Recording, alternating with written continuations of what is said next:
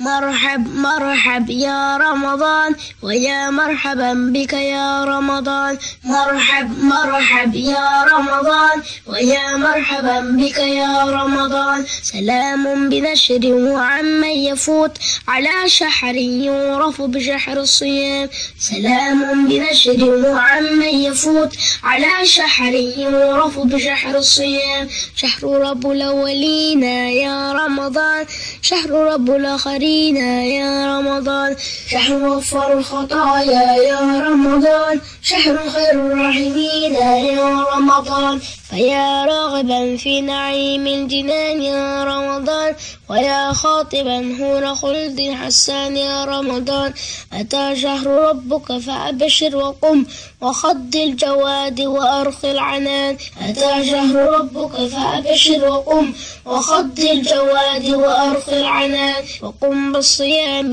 أتم القيام وقم في الظلام وأخفي المكان وقم بالصيام أتم القيام وقم في الظلام واخفي المكان ويا هربا ذا أوان الإياب ويا تائبا حين توبتك آن ويا هربا ذا أوان الإياب ويا تائبا حين توبتك آن مرحب مرحب يا رمضان ويا مرحبا بك يا رمضان مرحب مرحب يا رمضان ويا مرحبا بك يا رمضان مرحب مرحب يا رمضان ويا مرحبا بك يا رمضان مرحب مرحب يا رمضان ويا مرحبا بك يا رمضان ويا مرحبا بك يا رمضان ويا مرحبا بك يا رمضان ويا مرحبا بك يا رمضان ويا مرحبا بك يا رمضان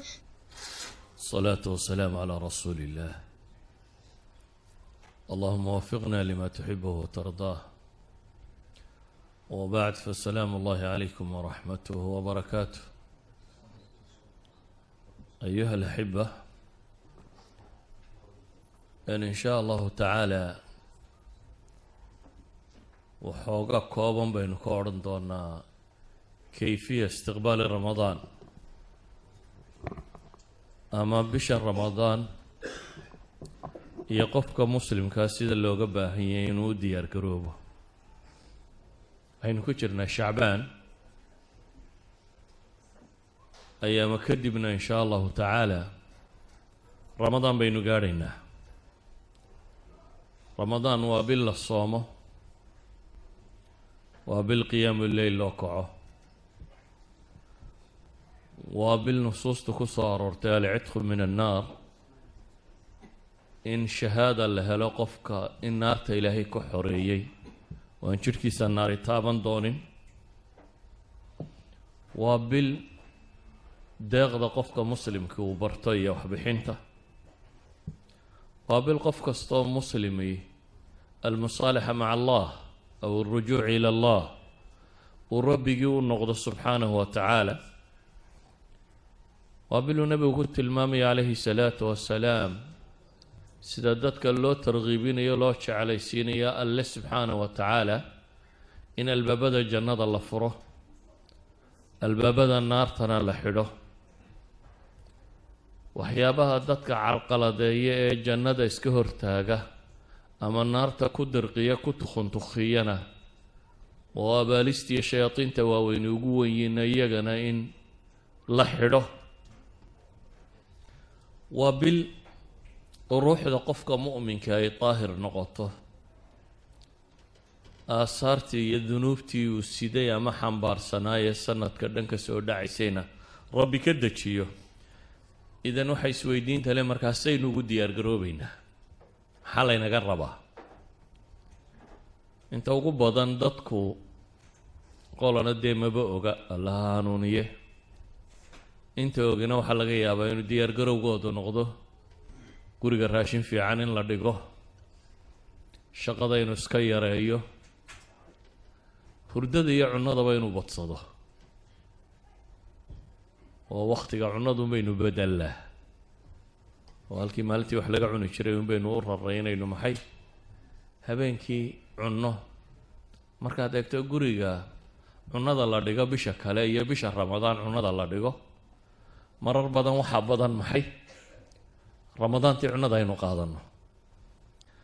Al asluna maaha cunno inaynu diyaar garowno waayo maanta dunida inteeda badan caafimaadku waxay isku raacsiisan yihinba in la soomo inuu caafimaadku ku jiro. Oo ah in caloosha la nasiyo oo cunnadu markay yaraato waxay idhaahdaan beerkaagu wuxuu wakhti badan u helayaa. Sumuumtii jidhkaaga ku jirta inuu safayn karo waxaa cunnadu markay yaraato uu jidhku helayaa bay yidhaahdaan. Renewal. Old cellska oo dhami inay dhintaan. Jidhka bay yidhaahdaan unugyada daciifka iyo unugyada gaboobay wuu dilaa. Unugyo cusub baa dhasha. Markaa qofku renewal caafimaad buu ka qaadaa walidaalik baa maanta miisaankaa dhinma kanbaa dhaca kanbaa dhaca xanuuno badan bay ku daweeyaan.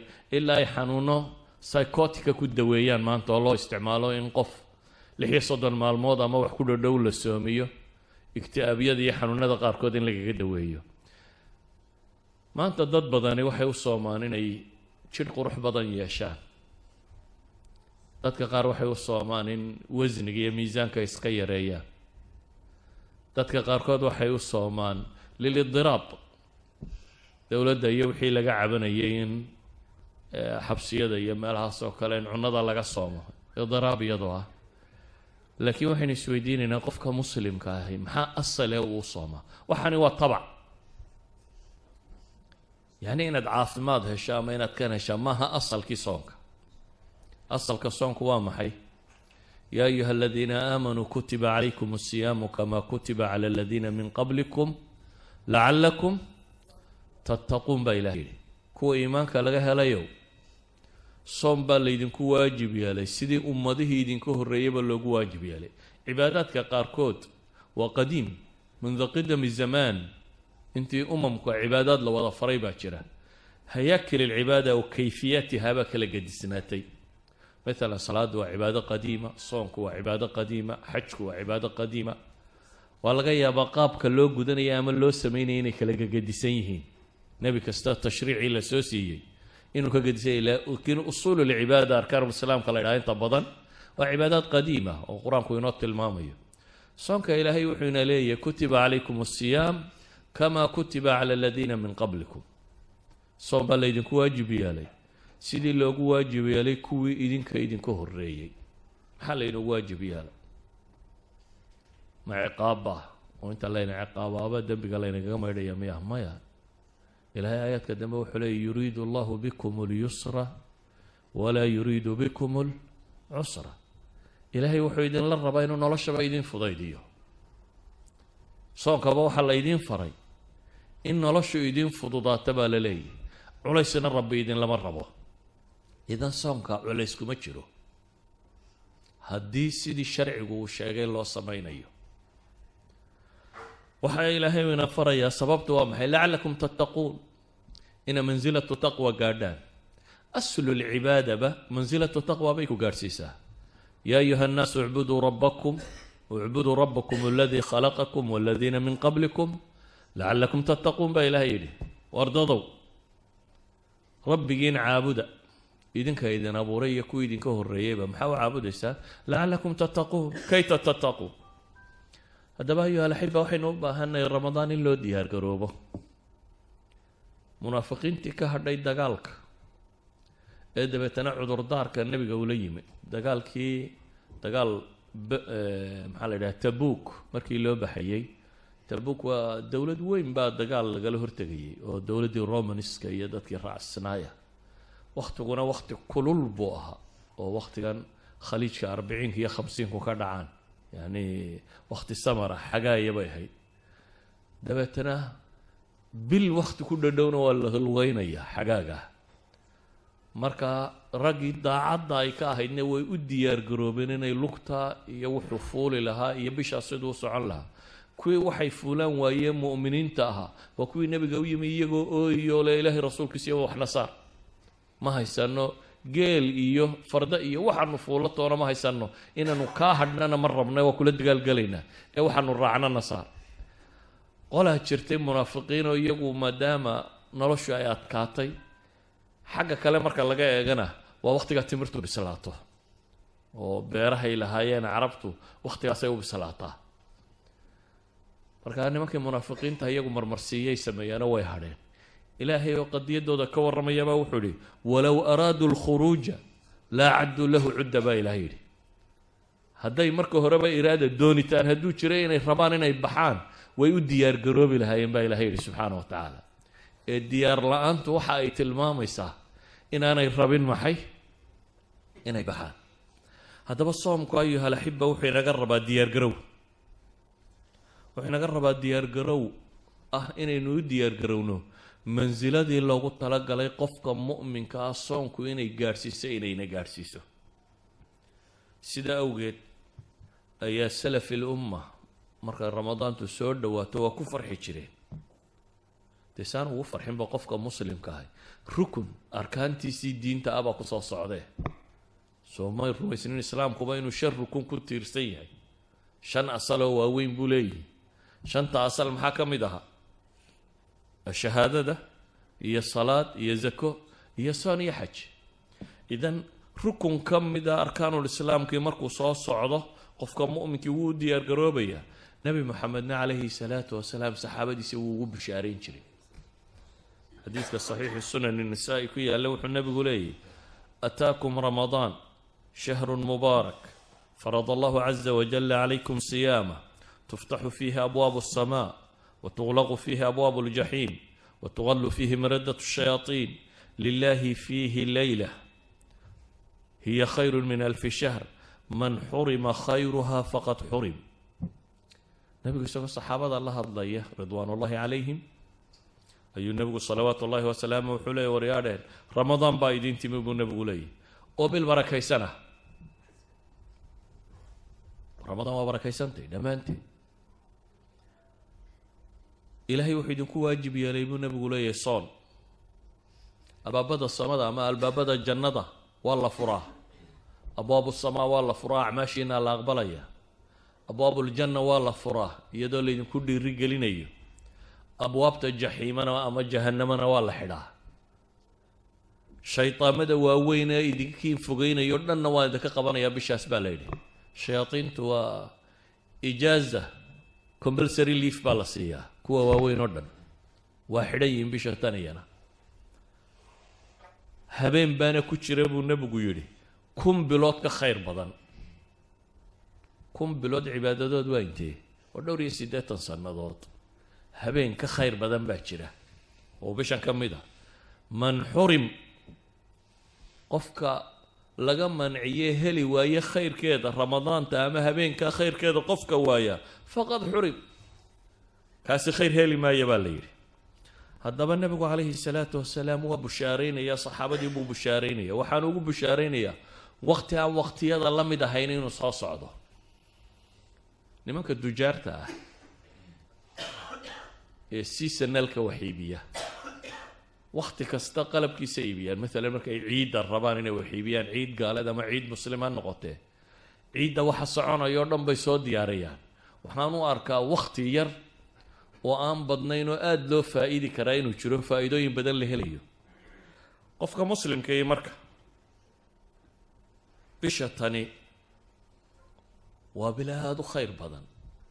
Waa bilu qofka muslimkii maca allahi jumla uu kula baac mushtaraynayo.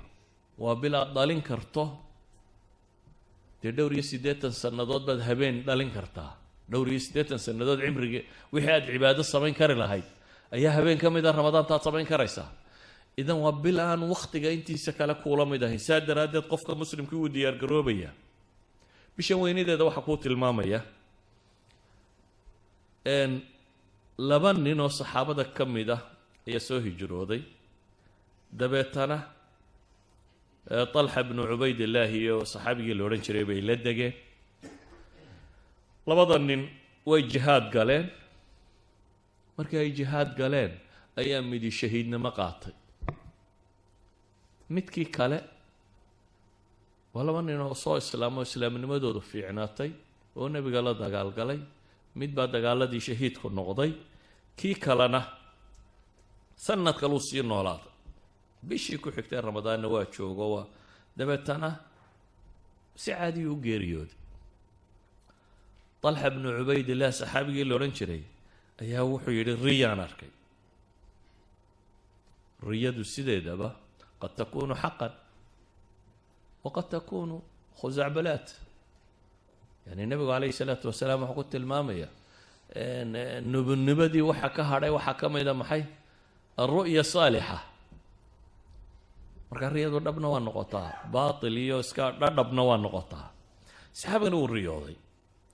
Wuxuu ku riyooday iyadoo jannadii ay gelayaan.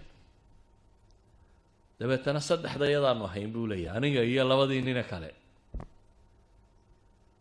Labadii nine kale kii dambeed dhintay ee aan jihaadka ku dhimanin ayaa la yidhi soo gal. Kiibaa la horraysiiyo horgalay. Dabeetana kii shahiidka ahaa baa ka dabagalay. Anaa is idhi galo adiga weli may gaadhin wakhtigaagii baa la yidhi buu yidhi markaa wuu soo baraarugay riyadii baa faaftay nebigaa loo sheegay. Nebigu calayhi salaatu wasalaam wuxuu ku yidhi maxaa ula yaabaysaan? Waa idhaha ilaahay rasuulkiisiiyow labada ninkii aanu islahayn dee waa dadaal badan yee shahiidoobay. Kii kalaa jannada ka horgalay. Dabeetana nebigu wuxuu ku yidhi alaysa qad makatha hada bacdahu bisana? Oo kan miyaanu sanad ka nolol dambeyn buu nebigu ku yidhi markaasaa la yidhi haa waa ka nolol dambeeyey. Oo miyaanu ramadaantii dambe isagu soo gaadhin buu nebigu ku yidhi. Haye waa soo gaadhay baa la yidhi. Oo sooma soomin oo ma salaadin oo masaajidkan kuma tukanaynin sanad buu nebigu yidhi calayhi salaatu wasalaam. Markaasaa la yidhi haa famaa baynahumaa abcadu mima bayna alsamaai waalardi buu nebigu ku yidhi. Xadiidka kan ibnu maaja soo warinaya culimaduna saxiixa ku tilmaamayaan wuxuu nebigu leeyahay labadooda ajarkooda inta udhaxaysa cirkiiyo dhulka inta udhaxaysa in leeg ba udhaxaysa yacni ninkii shahiidnimada qatay sannadkii hore kani muxuu kaga badiyey. Acmaashii uu samaystay sannadkii uu noolo ay ka mid ahayd uu nebigu leeyahy war ninku miyaanu ramadaan soo gaadhin aanu kaasi sii maqnaa. Soo kani ma joogin buu nebigu leeyahy oo ramadaan taa ma tukanayno ma soomayno waa kan. Sida awgeed axaadiis badan baynu nebiga ka haynaa uu nebigu leeyahy qofka ramadaan soma iimaanan waxtisaaban isagoo iimaan iyo ixtisaab. Yacni mu'minan billaahi si dhaba u rumaysan wa mukhlisan ah ku dhinta. Camalkaa soonkaa sameeya gufira lahu maa taqadama min dembi dembigiisi horaa la dhaafaa buu nebigu yihi waa ninka sooma. Waman qaama ramadaan buu nebigu yihi ninka habeenka ramadaan istaagana iimaanan waxtisaaban gufira lahu maa taqadama min dembi haddana nebigu wuxuu yihi waman qaama leylata alqadr habeenkaa gaarkaa ninka isa sii taaga iimaanan waxtisaabanna isna dembigiisii hore waa la dhaafaa. Taa macnaheed waxa weeyaan ayuha alaxiba ramadaan waa fursa waa tijaara raabixa bilaa shak. Waa tijaara ilaahay lala baaca mushtaraynayo oo maxaa lagula baaca mushtaraynaya ilaahay biliimaani walacmaali saalixa. Iimaan iyo camal suuban. Waa fursad qof kasta oo muslim oo dembi ku raraa uu dembiga iska rogi karo. Waa misfaa yacni waa xamaamu ruuxiya. Waa meel lagu qubaysto oo lagaga qubaysto wixii dembi ku soo galay. Imise ishaadu wax xun aragtay imise dhegtaadu wax xun maqashay imise carabkaagu wax xun ku hadlay imise xisaabi uun. Waxaasoo dhan qaabkii la ysaga maydhi lahaa weeyaan sida awgeed buu nebi moxamed calayhi salaatu wasalaam maalin buu mimbarka fuulay. Isagoo leh aamiin aamiin aamiin saxaabadii waxay dhahen maa kunta tasnacu haada ilaahay rasuulkiisiiyo si aan maad yeeli jirine maanta maxaa soo kordhay? Mimbarka markaad fuulayso si caadi umaad u fuuli jirtay. Laakiin intaad xabad fuushay inaad aamiin tidhahdo kala fu aamiin oo aamiin tidhaahdo maxaa isbedelay bay nebiga weydiinayaan calayhi salaatu wasalaam. Dabeetana nebigu wuxuu ku yidhi jibriil baa ducaynayay ama se aan idhaahna habaartamayay aniguna aamiintaan u lahaa buu nebigu leeyahy nebi maxamed iyo jibriil maxay isugu tageen? Ee midna uu ducaynaya midna aamiin u leeyahay. Nebigu wuxuu leeyay calayhi salaatu wasalaam jibriil baa wuxuu yidhi ragima anfu cabdin dakhala calayhi ramadaanu falam yugfar lah. Ragima anf waa eray carabta ku isticmaasho. Sankiisaa boodhoobaya ala soomaalida ku tara afka u dhac afka ha u dhaca buu leeyahay. Ninkay ramadaan u soo gashay ee haddana dembigiisa la dhaafi waaye afka ha u dhaca buu jibriil leeyahy carabtu waa sanka ha u dhacee markaasuu nebi maxamedna leeyahay aamiin. Jibriil baa haddana wuxuu yidhi afka ha u dhaco ninka maxay agtiisa laygu sheego nebi maxamed oo agtaada inta lagu sheego calayhi salaatu wasalaam kugu saliyi waaya nebiga ku salliya dabeetana nebigu aamiin buu ku yidhi. Markaasuu haddana wuxuu leey raqima anfu cabdin adraka waalidayhi aw axadahuma. Afka ha u dhaco qofka labadiisii waalid soo gaadhay ama mid iyagoo yacni gaboobay falam yudkhilhu ljanna falam yudkhil iljanna oo janno ku geli waayey labadiisii waalid. Samafalka iyo axsaanku uu samaynayo. Kaasina afka ha u dhaco. Xadiidkani wuxuu tilmaamayaa saddex camal oo janno lagu galo. Midi waa waalidka iyo ixsaanfalkooda. Midna waa salliga nebiga calayhi salaatu wasalaam ka kalena waa ramadaan nimay u soo gashay. Oo haddana dembigiisa la dhaafi waayey yani saddexda qofee la habaarayo. Midi waa ninkii nebi maxamed ku salliyi waayey midna waa ninkii waalidkii u samafali waayey ka saddexaad waa maxay? Qof ramadaanna u soo gashay ramadaanna ka dhammaatay isagoo aan weli dembigiisa la dhaafin. Yacni ma stafaada min ramadaani shay-a ramadaan aan waxba ka faa'iidin. Yacni ninka ramadaan wax ka faa'idi waaye man xurima khayruhaa faqad xurim buu nebigu leeyay. Leylat lqadri iyo laba ninka taa khayrkeeda laga xaaraam yeelay khayrkeedu uu waayey kaasi khayr heli maaya buu nebigu leeyay calayhi salaatu wasalaam. Sidaa awgeed ayuha alxiba markaa waxay leeyiin waxaynu u baahanay inu ramadaanta u diyaargarowno oo ugu diyaargarowno sidii kow ilaahay dembigaaga u dhaafi lahaa. Nebigu calayhi salaatu wasalaam wuxuu tilmaamayaa xadiidka muslim ku yaalla السلوات الخمس والجمعة إلى الجمعة ورمضان إلى رمضان مكفرات لما بينهن إذا اجتنبت الكبائر. xadiidkani wuxuu leeyahay salaadaha shanta ah iyo jimce ilaa jimce iyo ramadaan ilaa ramadaan mid waliba waxay tahay mukafiraatun limaa beynahunna labadaa dhexdooda wixii ahaa mid dembigooda lagu dhaafo ida ijtunibat ilkabaa'ir haddii dembiyada waaweyn laga fogaado. yacni waxaa jira horta sakaa'irtu waa dunuubta ugu badan. waayo mararka marar badan waxaa laga yaabaa qofku hadduu qof noolba yahay de inuu kabiiradu ku dhaco xasuusto ilaahay uga toobad keeno. sakaa'irta laakiin dadku waa iska wadaan. sakaa'irta waa iska socotaa markaad masaajidka ka baxdo imisaad naag qaawan aragtaa. Imisaad wax kaa mamnuuca maqashaa imisaad t v aragtaa. Imisaad waxuun ku hadashaa? Imisaad halkee fadhi ku dirarka tagtaa? Oo ama adigu aada waddaa ama iyagu ay wadaano aadnaad dhegaysanaysaa ila waa isla yani haddii sakaa'ir la ururinayo waa haddaynu kabaa'irta kaba indhaqarsanno waa rarannay. Waagu markuu bariyey ilaa iyo gabalku intuu ka dhacaya intaad ka seexanaysay. Dee intaa ama waad hadlaysay ama waad dhegaysanaysay intee khayr ahayd uun xisaabi? Saaka markaad soo kacday. Ilaa iyo caawa intaad seexanayso ama waad hadlaysay ama waad dhegaysanaysay mid hadlaya. Intee baa khayr ahayd un isweydii markaa? Yani waxaynu garan karnaa sakaa'irta maalin walbayna fuulaysa intay taagantay. Dhowr shay oo sakaa'irta lagu maydhaa baa laynoo sheegay waxaa la yidhi salaad ilaa salaadi way maydhaa. Salaada aad jamaca la tukato. Ninkii yidhi gabadh baa nunkaday ee nebigu ku celceliyay muxuu nebigu ku yidhi war mead nala joogin markaanu salaada tukanaynay me waa waa idinla tukaday buu ku yidhi. Ina alxasanaat yudhibna sayi-aat buu nebigu ku yidhi. Yacni salaad ilaa salaad haddaad salaadaha jamaca ilaaliso sakaa'irta u dhaxaysa way tirtirtaa jimce ilaa jumce ramadaan ilaa ramadaan. Waxaa laga yaabaa inaad su'aal isweydiiso haddii salaadan ilaa salaadan shantii salaadood maanta hadday tirtireen jimce ilaa jimca maxaa la tirtirayaa ilan maalin kasta shan baad soo tukatay. Haddii jimce ilaa jimca uu tirtiray maxaa ramadaan ilaa ramadaanta la tirtiraya? Acmaashu kuwa saalixa ah acmaasha saalixaadka ah.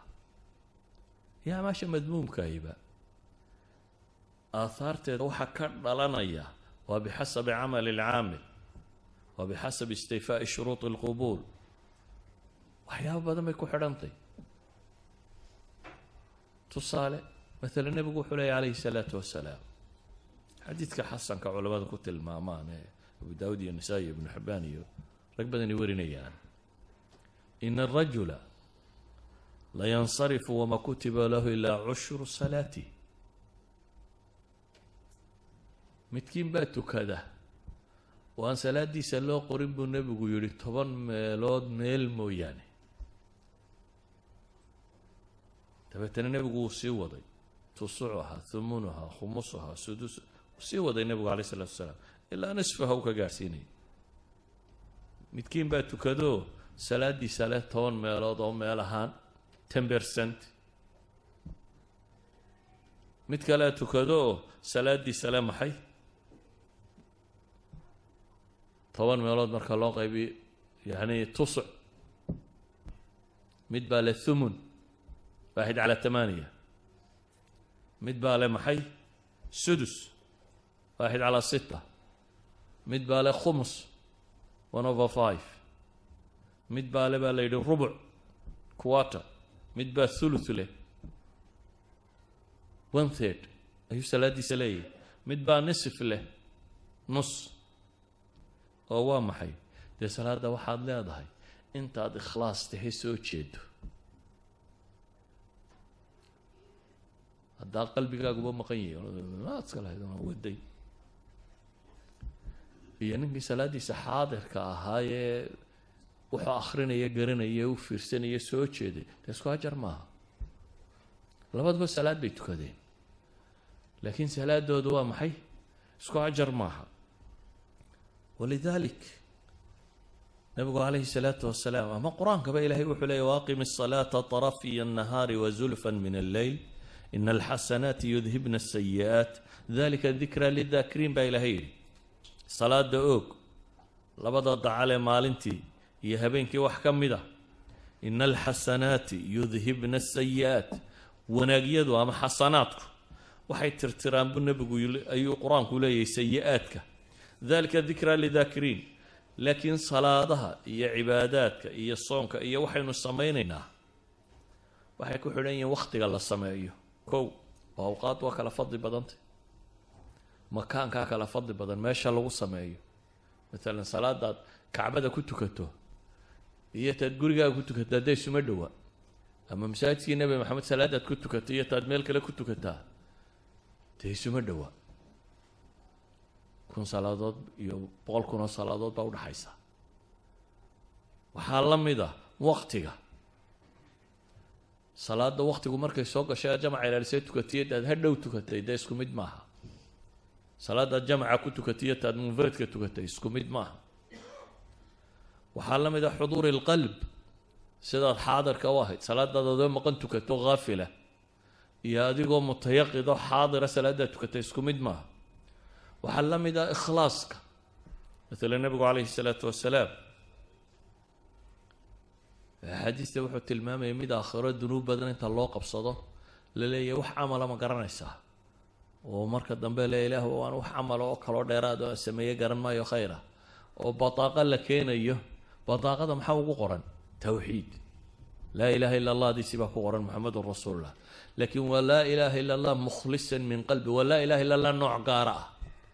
Taasaa kafadda loo saarayaa dabeetana taasaa ka cuslaanaysa wixii kale oo dhan. Oo haddaa dadka laa ilaaha illa allah yidhi oo dhammi naarta waxba ka geli maayaan miya maya waa gelayaan. Qaar badanoo asxaabu laa ilaaha illa allah iyabaa naarta gelaya oo qaar shafeecada nebi maxamed lagaga soo saaraya oo qaar shafeecada malaa'igta lagaga soo saaraya oo akhiiran ilaahay subxaanah wa tacaala waxa ku hadh ka soo saaraya dabcan wixii towxiid ku dhintaa naar ku waari maayaan laakiin geli maayaan lama odhan karo. Naar ku waari maayaan. Laakiin qaar baa jira towxiid intay ku dhintaan aan naartaba gelaynin. Towxiidkiisu waxa kaleo dhan uu ka culus yahay. Waxay leeyihiin waa acmaali lquluub baa kala cuslaysa waxa kan walidaalik nabigu calayhi salaatu wasalaam wuxuu inoo tilmaamayaa salaadaheenu inaanay sinnayn wuxuu kaloo tilmaamaya man iqtasala yowma aljumca walabisa min axsani hiyaabi wamasa min tiibin in kaana cindah uma ata aljumca ninka maydha maalinta jumce ee dharka waxa u fiicana uu haysto soo xidha ila waa maalin ciideed jimcaha muslimkuya ee dabeetana udug haddii uu haysto soo marsada. Ee dabeetana jimcaha yimaada. Ee aan dadka ka dul taltallaabsanin buu nebigu yidhi. Falam yatakhata acnaaqa annaas. Dadka aan jiidhjiidhin ee halkii ugu bannaanee uu helo fadhiista. Oo tuka tukada wixii alla u qoray inuu tukado. Dabeetana marka imaamku yimaado aamusa oo dhegaysta kaanat kafaaratan lima baynaha wa bayna jumcatihi alatii qablaha buu nebigu yihi tani waxay kafaaro u tahay jumcadan iyo jumcadii ka horreysay wixii u dhexeeyey idan jumcada waynu wada nimi laakiin isku mid maaha jumcadeennu mid baa goor hore yimi oo la mida buu nebigu yidhi sidii nin neefgiia la sadaqadaystay ka ku xiga saacadda ka dambaysta nin neef saca sadaqadaystay neef lo ah ka ku xiga neef adhiya ka ku xiga digaagad ka ku xiga maxaa la yidhi xabad beeda. Dee ninka xabad beeda sadaqadaystay iyo ninka neefgeela sadaqadaystay ma isku meelba salaadooda. Dabeetana nebigu wuxuu tilmaamaya calayhi salaatu wasalaam haddaba ilahay wuxuu qur'aan ku leeyahy inamaa yataqabalu allahu min almuttaqiin ilahay wuxuu acmaasha ka aqbalaa dadka muttaqiinta ah. Qofba camal buu muttaqi ku yihi macnaheedu ma aha qof wada taqiya baa jiriya mid wada faasida waxaa laga yaabaa camalkan isagoo kaa xumaaday salaada hore iyadoo kaa xumaaday salaadaada dambe inaad adigoo xaadir oo qalbigaagu soo jeedo fiican tukatid. Idan camalka intaad soo jeedabaad ajarkiisa weyn leedahay. Intaasaa inta dunuubta masaxaysa bay culamadu idhaha markaa salaadahaagii haddii laysu gegeeyo ay wada dhammayn waayeen oo jimcadaadii marka lagu daro ay haddana wada maydhi kari weyday ramadaantaadu hadday fiicnaato iyadaa maydhaysa wixii inta hore u taag weyday. Walidaalik haddii koob iyo toban bilood salaad khalkhala aynu soo tukanaynay ama jimce imaamkoo taaganuuna aynu soo fuulaynay soo gelaynay masaajidka aan isku dayno bisha tani inay noqoto bishii aynu tirtiri lahayn wixii camal inaga tegay oo dhan wixii dunuub inaga dhacday horoo dhan bil aynu tirtiro waxaynu ramadaan qabanno laba shay baa ugu fiican mid waa inaynu dembiga iska maydhno. Midna waa inaynu darajaadka kor u korno ajarka aynu shaqaysana inaynu badinno. Mustaqbalka u dhiganno. Dembigii hore inaad iska maydhid oo nadiifisid. Ramadaan waad awoodi kartaa. Inaad ajarka biirisana markaad intaa maydhana waad ziyaada. Yani dunuub aad shaqaysato. Na waad awoodi karaysaa si awgeed baa manqabada ramadaan ajarada ay waxaa ka mid ah. Nabigu calayhi salaatu wasalaam xadiidulqudsiga wuxuu ku sheegay. Ilaahay baa wuxuu yidhi kullu camal ibni aadama lah. Reer nabi aadama oo dhamme camalka shaqaystaan iyagaa leh ila siyaamu mooyaane. Aw ila sowm soonka mooyaane. Fa innahu lii waana ajzi bihi. Isaga anaa iska leh oo ka abaal marinaya baa ilaahay yidhi.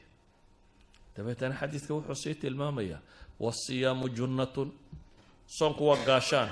Dunuubta lagaga gaashaanto. Naar lagaga gaashaanto. Fa idaa kaana yowmu sawmi axadikum midkiin hadduu maalintiisii soonta joogo falaa yarfus yowma-idin walaa yaskhab.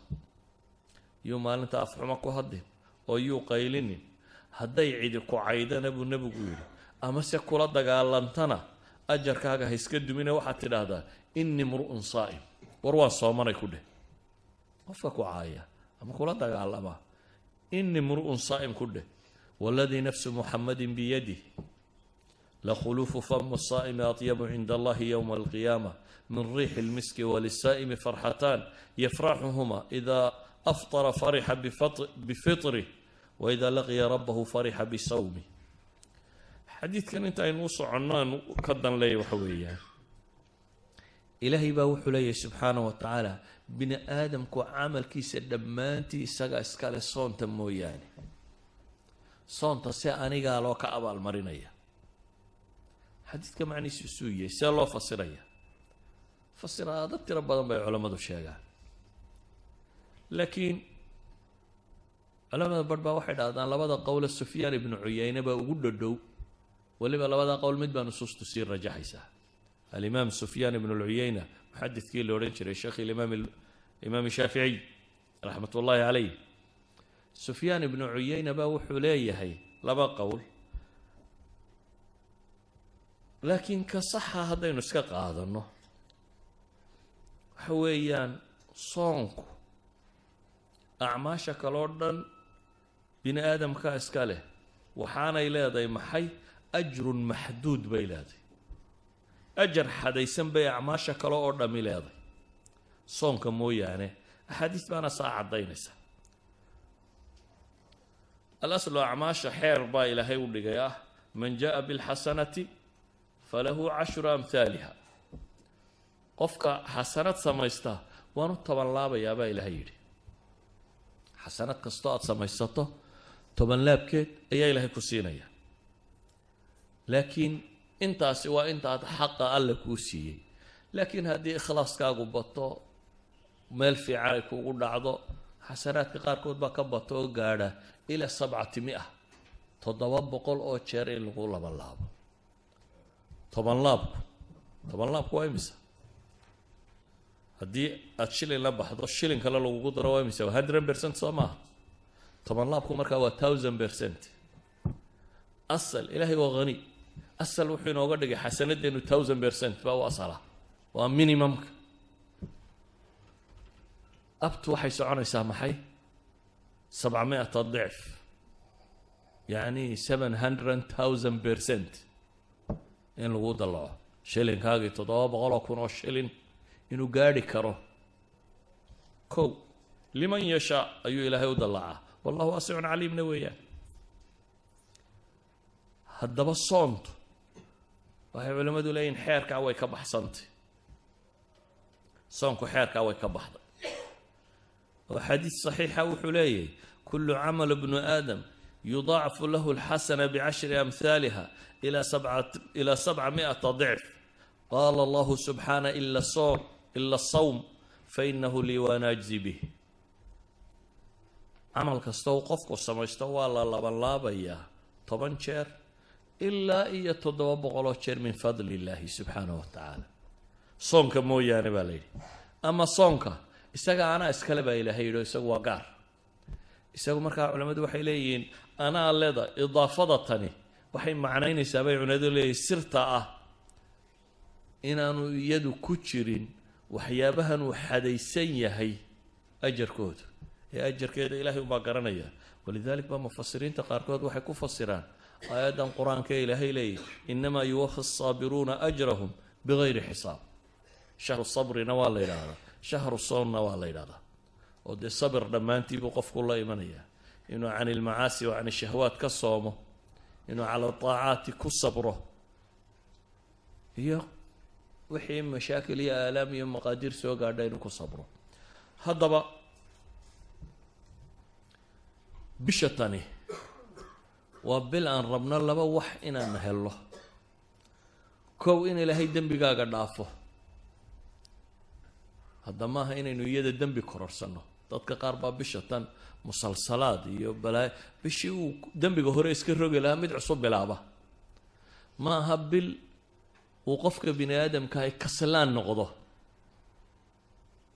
Bilaad marna hurudown marna ma aha waa bil qofka muslimka ee ijtihaad uu ku jiro. Waa qofka muslimkaah waa bil uu dadaalkiisa xadkii kama dambaystaha isku dayaya inuu gaadhsiiyo. Muxuu rabaa? Wuxuu rabaa in ilaahay dembiga ka maydho. Wuxuu rabaa ajar inta ugu badan leh inuu shaqaysto.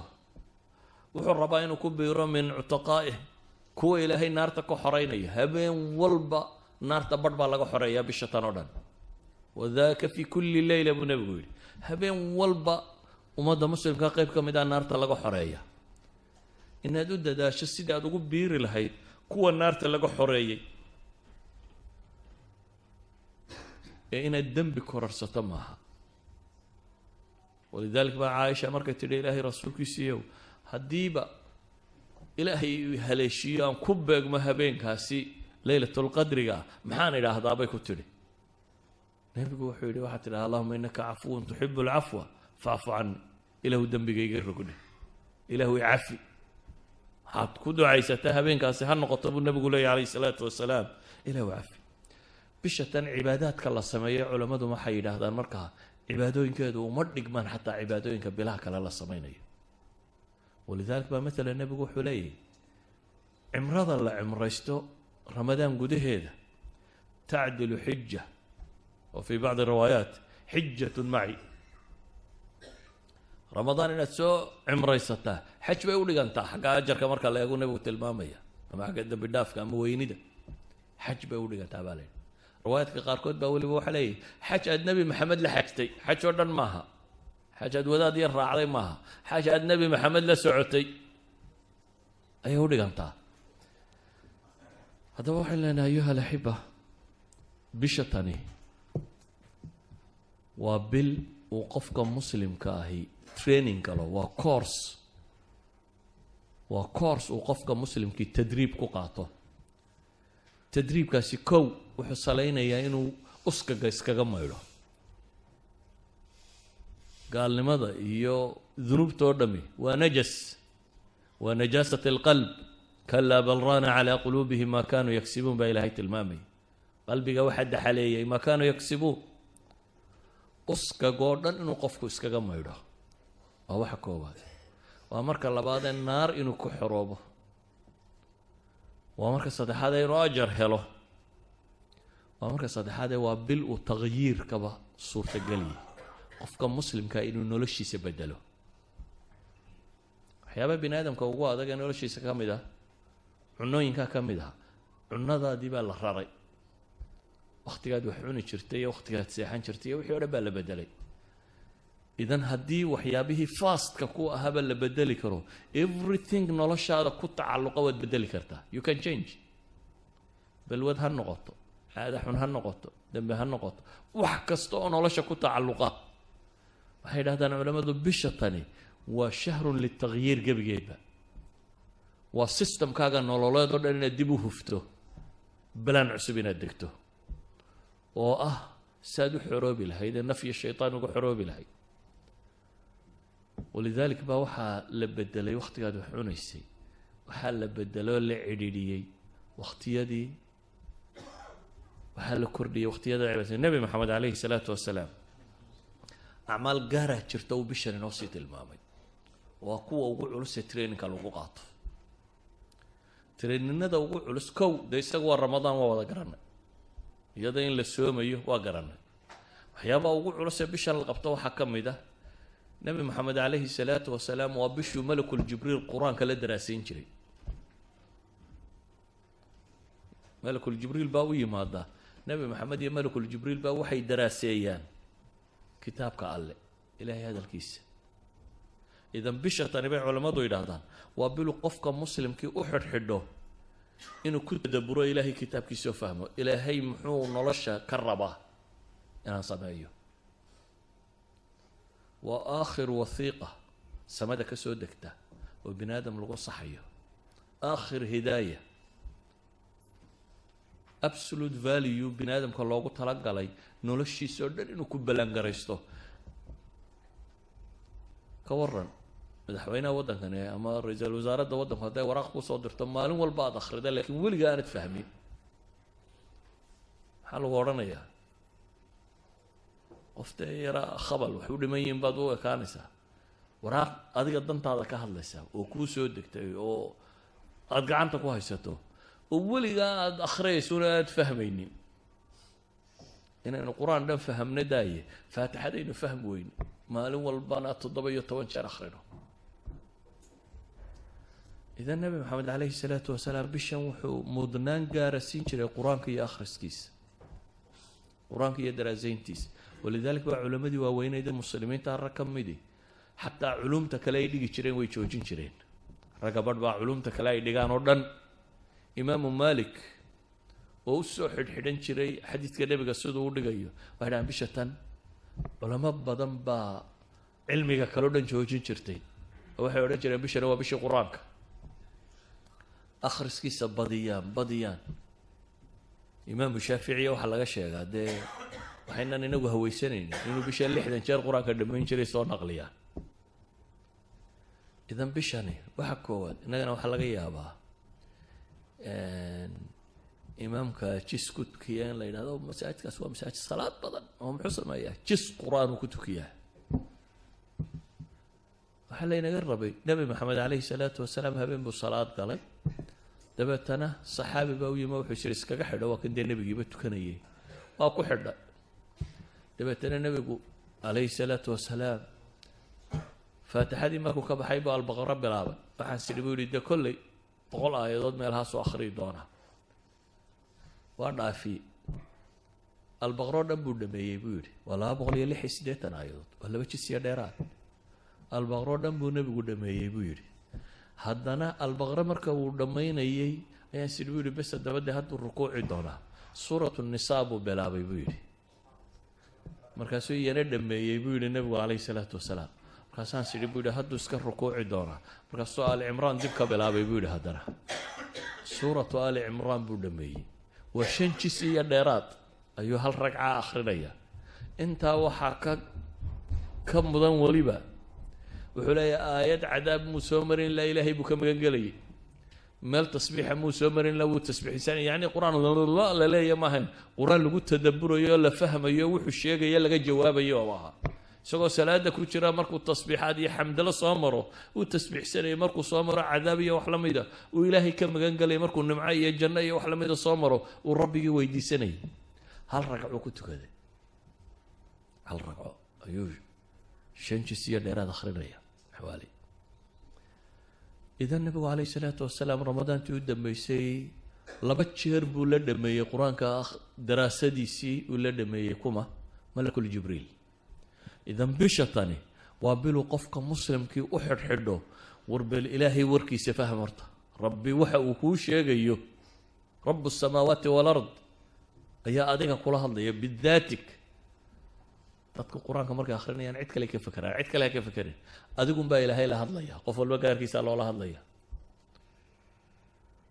Waxyaabaha bisha tan uu aadka u qaban jiray nebigu caleyhi salaatu wasalaam umad muslimiinta uu faray waxaa ka mid ah dee qiyaamu leylka taraawiixda salaada badan ee la tukanaya inaad salaadaha badsato.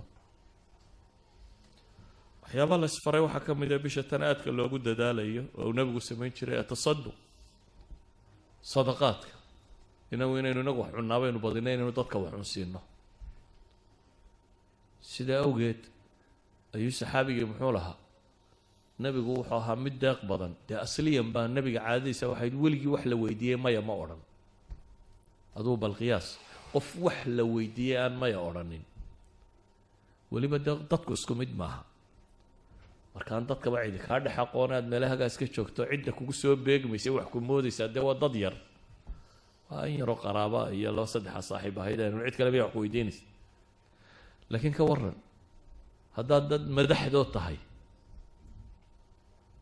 oo weliba aanad askar iyo cid ku ilaalisa lahayn oo weliba hadduu madaxweynuhu shanta salaadood halkan inagula tukado oo cid dadka ka celinaysaa aanay jirin imise qof baa wax weydiisan lahaa?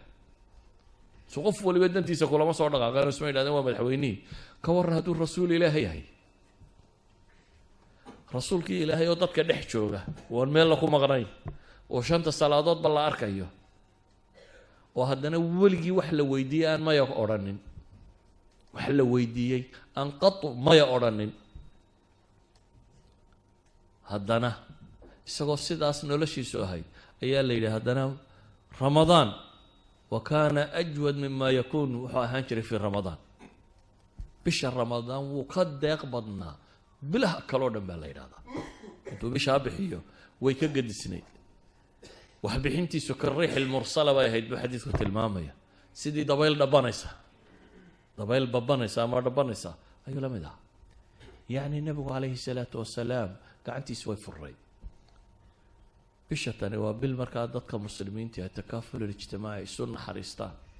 Foqorada wax la siiyo masaakiinta wax la siiyo qaraabada la xidhiidhiyo tolka la xidhiidhiyo cid walba wax la siiyo waxyaabuu nabigu bishan samayn jiray waxaa ka mid ah. Iyadoo cibaadadiisu ay saa u badanto haddana bisha qeyb ka mid ah dunidaba ka sii go-i jiray. Marka horeba bisha cibaadadaa lagu jiray haddana qeyb kaloo bishan ka mida buu ictikaaf wax la yidhahdo samayn jiray. Toban maalmood labaatan ma waa ictikaafa ictikaafku waa maxay? Waa inuu qofku masaajidka isku xareeyo aanu dibba uga bixin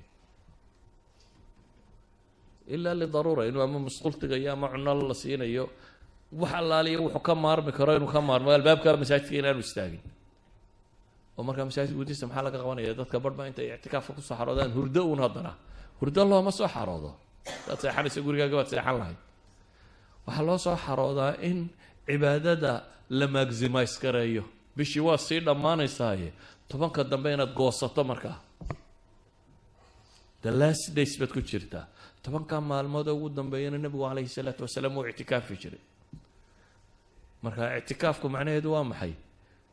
Xaaraan iyo baabkaa ka kaalay ee mubaaxaadkii iyo xalaashii buu ka tegayay xataa xalaal ajar looga qorayuu ka tegay oo ajar ka weyn uu raadinayay. Nabigu calayhi salaatu wasalaam wuxuu inoo tilmaamay ninku gabadhiisa markuu u tago hadduu xalaal ugu tago ajar baa loo qoraa. Siduu xadiidka nabigu sheegayay laakiin tobankan maalmooda dambe maca dumarka waa laga fogaanaya. Walaa tubaashiruuhuna wa antum caakifuuna fi lmasaajid baa ilaha yidhi. Haweenkana ha la dhaqmina idinkoo ictikaafsan baa la yidhi. Idan tobankan maalmood calaa'iqu dunya kullaha buu jaraya. Wuxuu u fasaxa qaadanayaa inuu umuurta aakhiro oo qura bishan ka shaqeeyo inuu tobankan maalmood umuurta aakhiro oo qura uu ka shaqeeyo.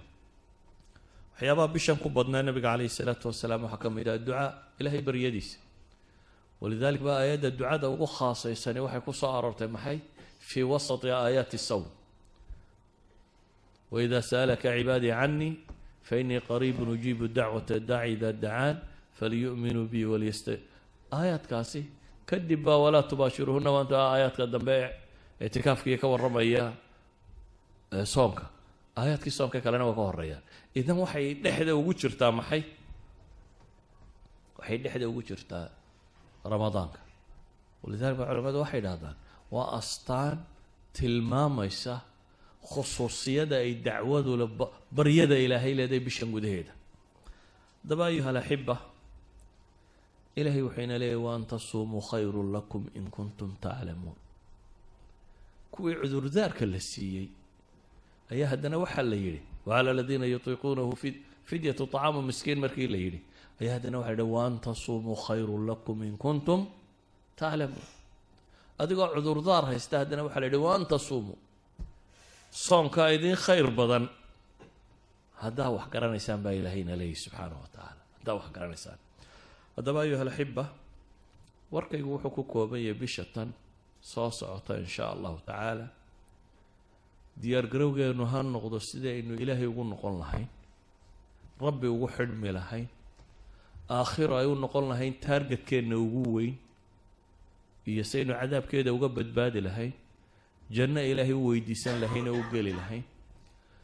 Bisha tani markaa ha noqoto daal badani waa inuu kaa muuqdaa oo ah fa idaa faraqta fansab ilaahay daacadiisa iyo cibaadadiisa inaynu ku daallo ee bil kaslaamnimo badan aynaga muuqato laziness bil aynu qaadno maaha.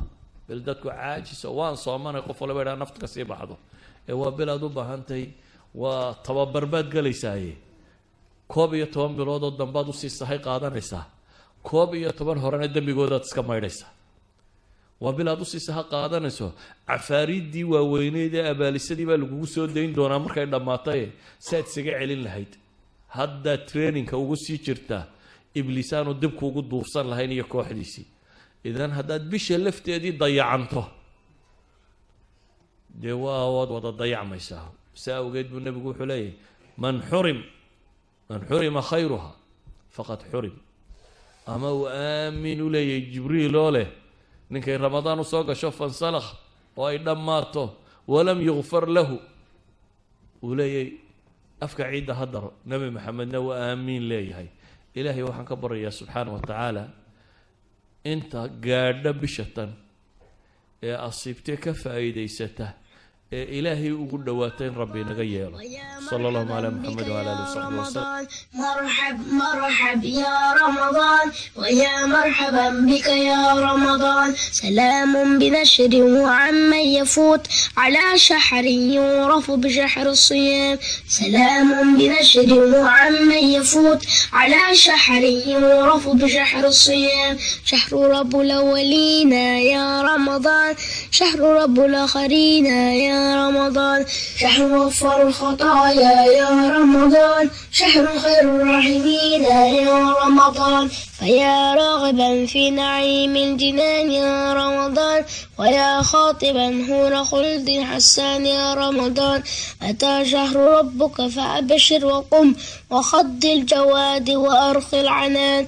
أتى شهر ربك فأبشر وقم وخض الجواد وأرخي العنان وقم بالصيام أتم القيام وقم في الظلام وأخفي المكان الرحمن وقم بالصيام يأتم القيام وقم في الظلام واغفر المكان ويا هربا ذا أوان الإياب ويا تائبا حين توبتك آن ويا هربا ذا أوان الإياب ويا تائبا حين توبتك آن مرحب مرحب يا رمضان ويا مرحبا بك يا رمضان مرحب مرحب يا رمضان ويا مرحبا بك يا رمضان رمضان مرحب مرحب يا رمضان ويا مرحبا بك يا رمضان مرحب مرحب يا رمضان ويا مرحبا بك يا رمضان ويا مرحبا بك يا رمضان ويا مرحبا بك يا رمضان ويا مرحبا بك يا رمضان ويا مرحبا بك يا رمضان